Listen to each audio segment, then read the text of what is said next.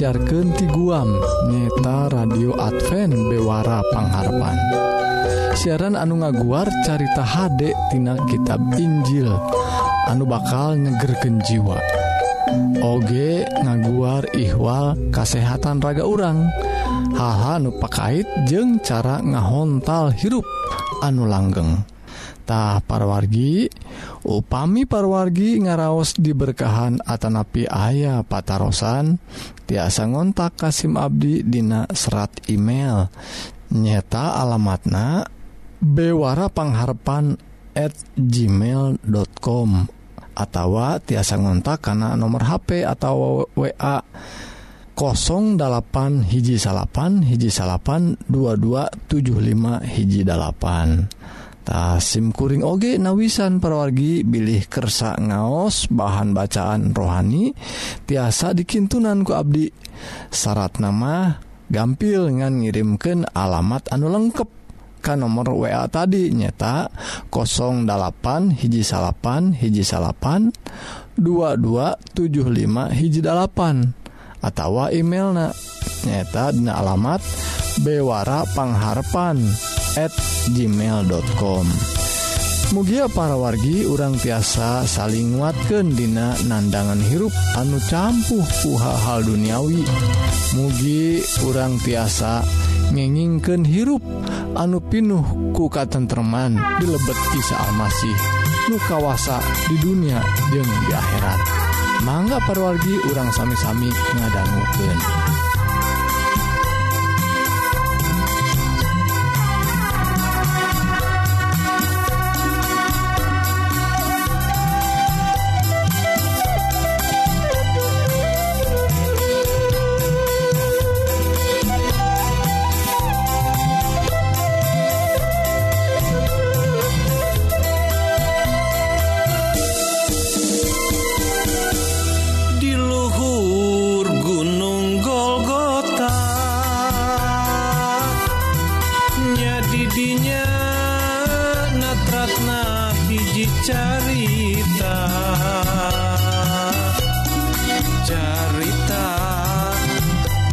asih jengka tresna.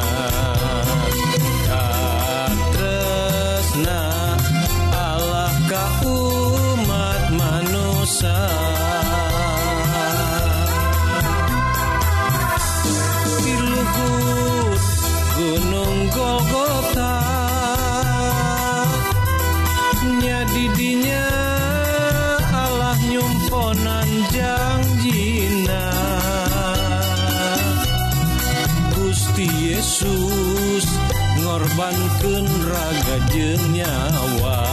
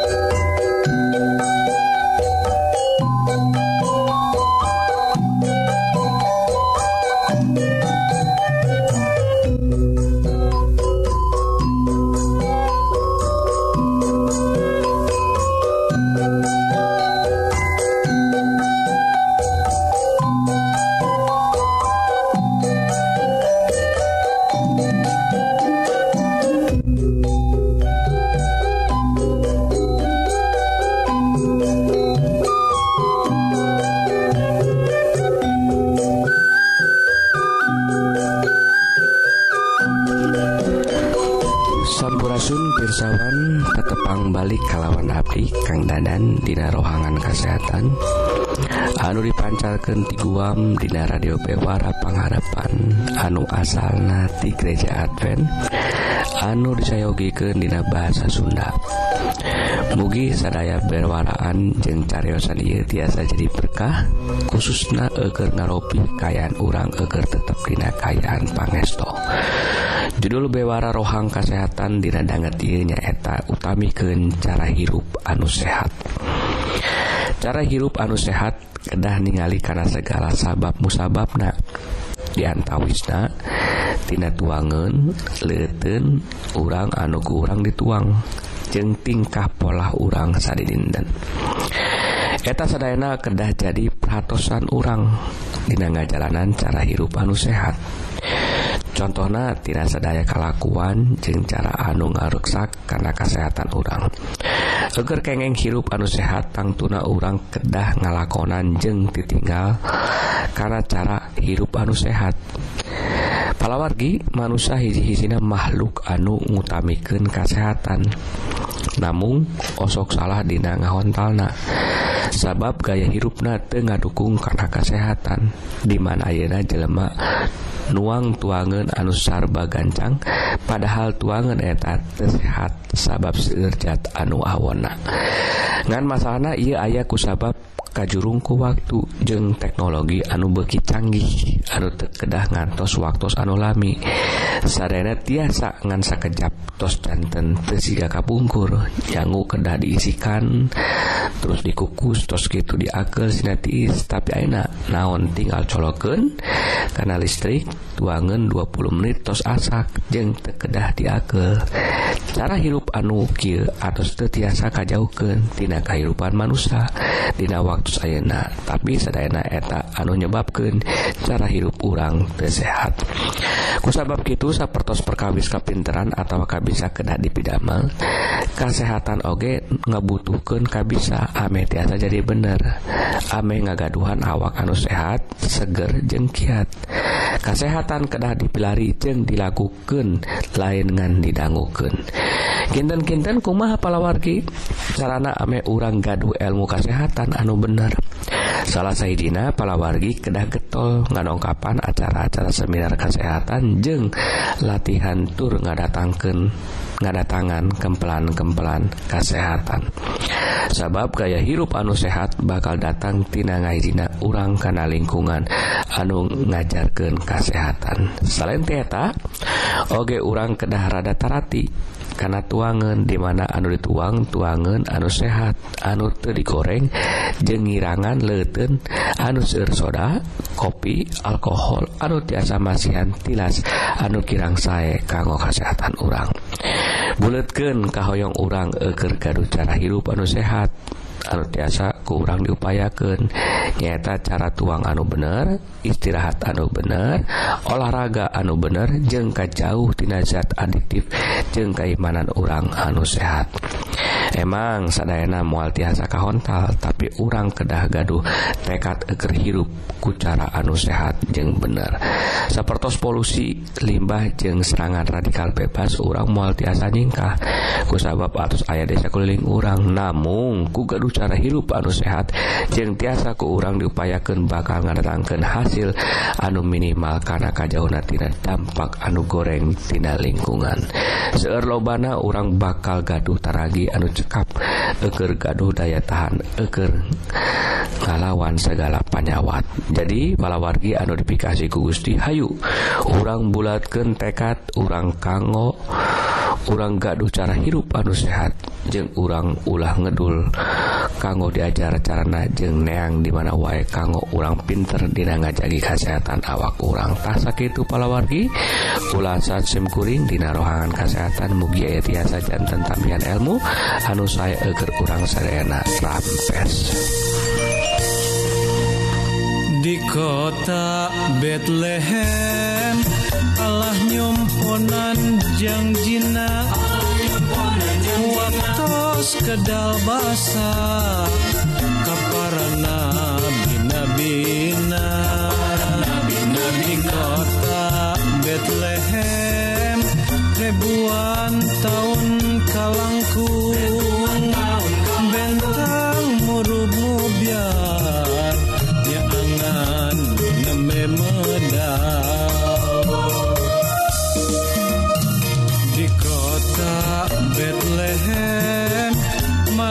Malaikat nembang pujian.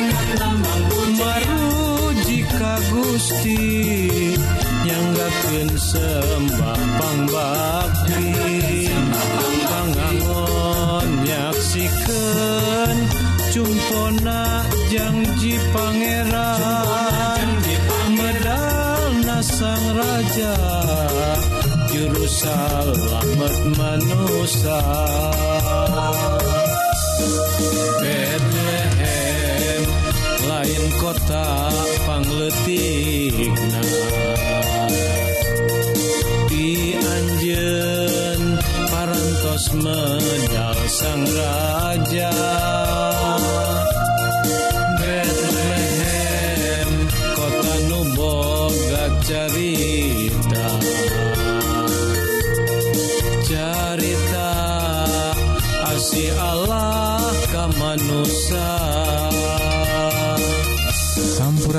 perwargitah sakit perwargi kaum dangu bewara ngenaan kesehatan mugi-mugi perwargi diberkahan ku Gusti dipaparin kekuatan sarang kesehatan jiwa sarang raga kanggo lumampah sarang midamal pada melansa di dinten sakali deui upami parwargi ngaraos diberkahan Atanapi ayah patarosan tiasa ngontak Ka SIM Abdi Dina serat emailnya eta bewarapangharpan@ gmail.com atau ngontak karena nomor HP atau wa 08 hiji salapan hiji salapan 2275 hiji dalapan.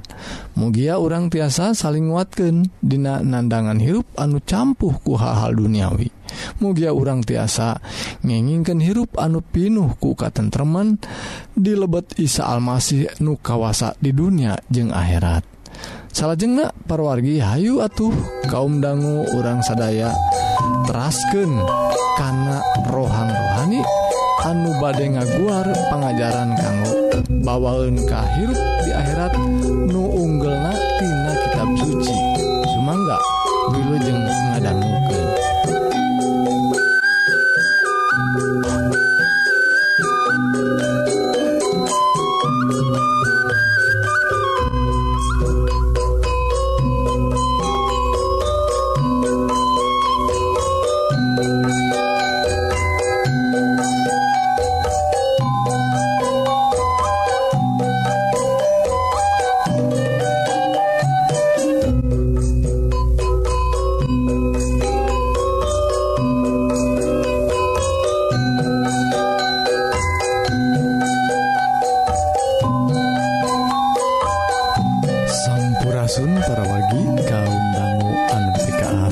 Gusti. Rohang rohani dinten Ieu. Judulna Jalma lumpuh. Anu dicutat Tina Injil Markus pasal 2 ayat hiji duikeun ke ayat 12 Ki kasurken cariosan ngenaan jalma lumpuh para wargi. Bejana di Nasaret ayah guru anu bisa ngubaran segala penyakit nahnya gitunya gitu paterosan jalmi-jalmi harita parwargi. Eta bejate nyebar kemana-mana Yesus aya di mana baik oge pasti kumaranena dijugjug dipilarian parwargi. Segala rupi jalmi dina kasus panyawat naon oge ngahaja milarian ngajugjug di mana wae Yesus ayana. Anu gering dibawa ke Anjena sarta terus dicagerken anu lolong anu torek jeung anu pire kabeh dicalagerken ku Yesus parorgi atuh Yesus teh harita mani kakoncara pisan parorgi ku anje nama panyakit naon bay oge boh panyakit badani boh panyakit rohani bisa dicagerken parorgi lantaran anje nama ti Gusti tos nampi kawasa anu khusus jangan ngadamangken anu garering tah Gusti Allah tos maparin kawasa ka Yesus Kristus Kais Almasih kanggo nyagerken segala panyawat urang parorgi takut sabab gitu parorgi umat jadi palercaya karena kasauran Anjena percaya karena kecap-kecapna sarang pengajaran pengajaran anu dia diulangkan ku Isa Almasih. Parwargi harita ayah hiji jalma anu lumpuh. batur-baturna percaya Yesus tiasa ngada mangken manehna lantaran manehna teh te bisa wala kaya pisan tulu bae digarotong kuopatan jeung samak-samakna dibawa parwargi etan lumpuh teh rek dibawa ka Yesus. Ta harita Yesus nuju ngawulang. barang marahna tepi kanu dituju buruan imah tempat Yesus ngawulang teh pinuh pisan ku jelema anuker ngadarennguken atuh maranehna teh te bisa asup dapat dedet tetiasa lebet karena panto pantona acan. Dati buruan ketos pada dat parorgi tulu baik ku maraneh nate eta anu Gering teh dibawa karena hatep. tah kalluhur kalluhur imah pergi jalana karena tetecean luarin eta imah. Ta sanggus hatupna dibongkar dibongkar pergi ya imah anu luhur na teh hatupna dibongkar atau katinggal. Aya jalan kanggo kehanap nepangan Yesus. Kumarana anu gering teh diulurkan kehanap tah barang tangga Yesus ngaraos reus ningali kanyaah jeung kepercayaan maranehna. Perwargian pika asihku Gusti ia kasauran cariyosan dicariuskan ku Injil Markus ngenaan hiji Jalmi kita oge jalmi-jalmi anu nganterna anu opatan aya kawani sarang percaya pisan. percaya pisan Kaisa Almasih dugiken Anjena wani ngabongkar hatep imah Batur teras diturunkan dakku yakin dicanaka Yesus mah anu lumpuh ia teh tiasa damang De tiasa lempang De tiasa lumpat De parwargi lajeng parargi saparantos tepang ku ku Isa Almasih disaurkan Ki dosa-dosa Anjen Gus dihampura. sauur Yesus keeta anu lumpuh. Lajeng ruina anu ngadanggu Yesus Kristus nyarios gitu sebuah Jalmi nyata ahli toret parorgi ngerasa tepanuju kecap-kecap Yesus teh sarta nyarita Ky wani-wani nyarita gitu angin Gusti Allah hungkul anu bisa ngahampura dosa mah. Gitu cariyosan maranehna teh. tah parorgi ruina ku Yesus diwaler. Pikiran sarang kecap-kecap aranjenate anu untuk percaya Kaisa Almasih anu ngahampura dosa. Kulantaran gitu marhenku Yesus ditanya Ki pananya nate mana anu luwih gampang nyagerken anu lumpuh atau ngahampura dosa? kami nyarita itu supaya mareh nyaraho. Kami ges nampak kawasati Gusti. Bohjang nyagerken bohjang hampura dosa manusia teras baik Anjenanya Rios kan lumpuh tea hudang bawa samakna jeng gera baliktah parwargi kecap Yesus atau waleran Yesus ia nyanggemken yen dina dirina. Dina diri Isa Almasih aya kawasa kanggo ngahampura dosa. Tajjalmi-jalmi anu kasebat ahli tore tadi nyanggemken yen Gusti Allah hungkul tekenging Isa Almasih nyebatkan ngahampura dosa kabatur wargi nepi kasih ku Gusti. Ia cariyosan cariyosan biasa. Dicutat Dina Injil kanggo jantan berkah kanggo orang kanggo jantan bukti kanggo orang dan lantaran yen leres-leres Dina dirina Isa Almasih ayah kawasa ngahampura dosa. Memang kasaur ke noge nu ngahampura dosa teh ngan Gusti Allah hungkul. Ku kituna urang teh ngagaduhan kesimpulan atau pelajaran anu sajati yen leres-leres. Yesus Kristus teh Anjena salahku firman Allah. Saraku dauhan Gusti anu ngajelma. Ngajelma jantan jelema. Jantan sami sami sarang urang. Tapi dina dirina ayah kawasa sapertos Gusti. Nyata hampura dosa. Kok itu nah hari tak kene. Jalmi anu dihampura dosana. Disaurkan ku Yesus dosa-dosa anjen dihampura. Hari tak kene jalmi eta teh tiasa mapah deui. anu lumpuh itu tiasa hudang deh sarang tiasa balik tenganggo digotong segala parogitah sakit itu parogi cariosan ngenaan kawasa Yesus anu ngahampura dosa anu ngahudangken de anu lumpuh kawasa anu tiasanya gerken segala panyawat gitu oge boh panyawat jasmani sarang oge panyawat rohani Hayu parogi orang tiasa dongkap Kaisa Almasih. Ayeuna nyhunken nyhunken mujijat nyhunken orang tiasa dicagerkentina segala panyawat orang doa-doa orang Kaiman na Kaisa Almasih orang tiasa miharap kasembuhan kawalagerian ka dina diri urang sadaya. Mugi Gusti ngaberkahan Hayu parwargi urang doa Nun ama anu aya anu linggih disawarga Rebunuhun kulantaran berkah dauhan Gusti Dina dinten I mugi-mugi cariyosan ngenaan Isa Almasih ngajantenken Abdi percaya yen Anjena tiasa nyagerken segala panyawatdina diri Abdi Ki oge panyawat dosa supados Abdi tiasa dihampura. Ku kawasa Anjena Nun Gusti ia pidoa disanggaken dina asmana Isa Almasih juru selamat.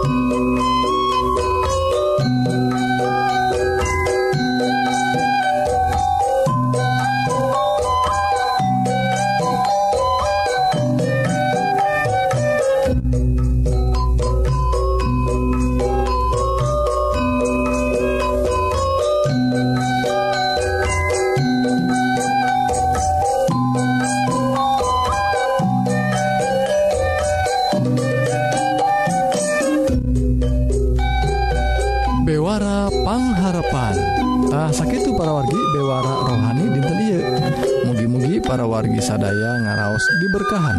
Sarang ngalaman hirup anu tengrem sapparantos ngadanggu dauhan Gusti anu pasti mual ingkar Dina neddunan janjijangjiina tahu pami parwargi Hoong diajar dauhan Gusti anu langkung jeruk tiasa ngontak Kasim Abdi Dina serat email nyata bewarapangharpan at gmail.com atau ngontak karena nomor HP atau wa 08 hiji salapan hiji salapan 2275 hiji dalapan.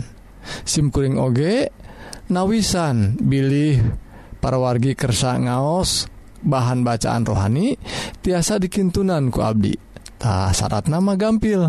Ngan ngintunkan alamat anu lengkap ke nomor WA anu tadi 08 hiji salapan hiji salapan 2275 hiji dalapan atau alamat email bewarapangharapan at gmail.com Mugia para wargi tiasa saling nguatkan dina nandangan hirup anu campuhku hal-hal duniawi. Mugi urang tiasa nginginkan hirup anu pinuh ku katentreman di lebet Isa Almasih nu kawasa di dunia jeung di akhirat. Ridua Abi mugia guststinya berkahan ka urang sadaya.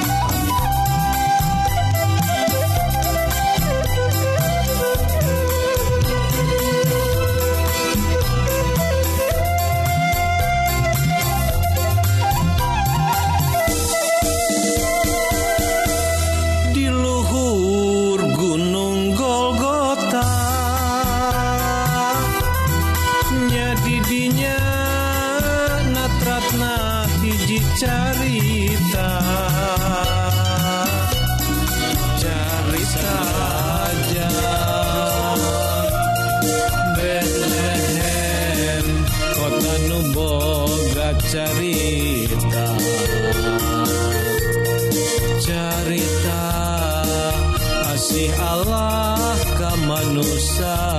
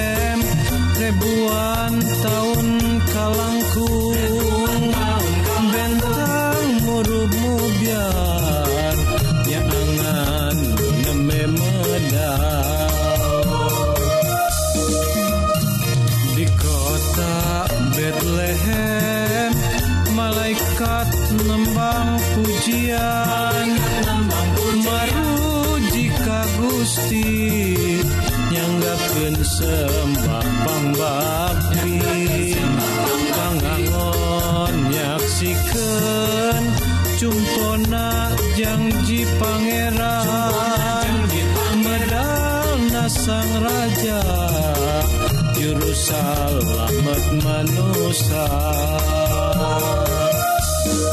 Bethlehem lain kota pangletikna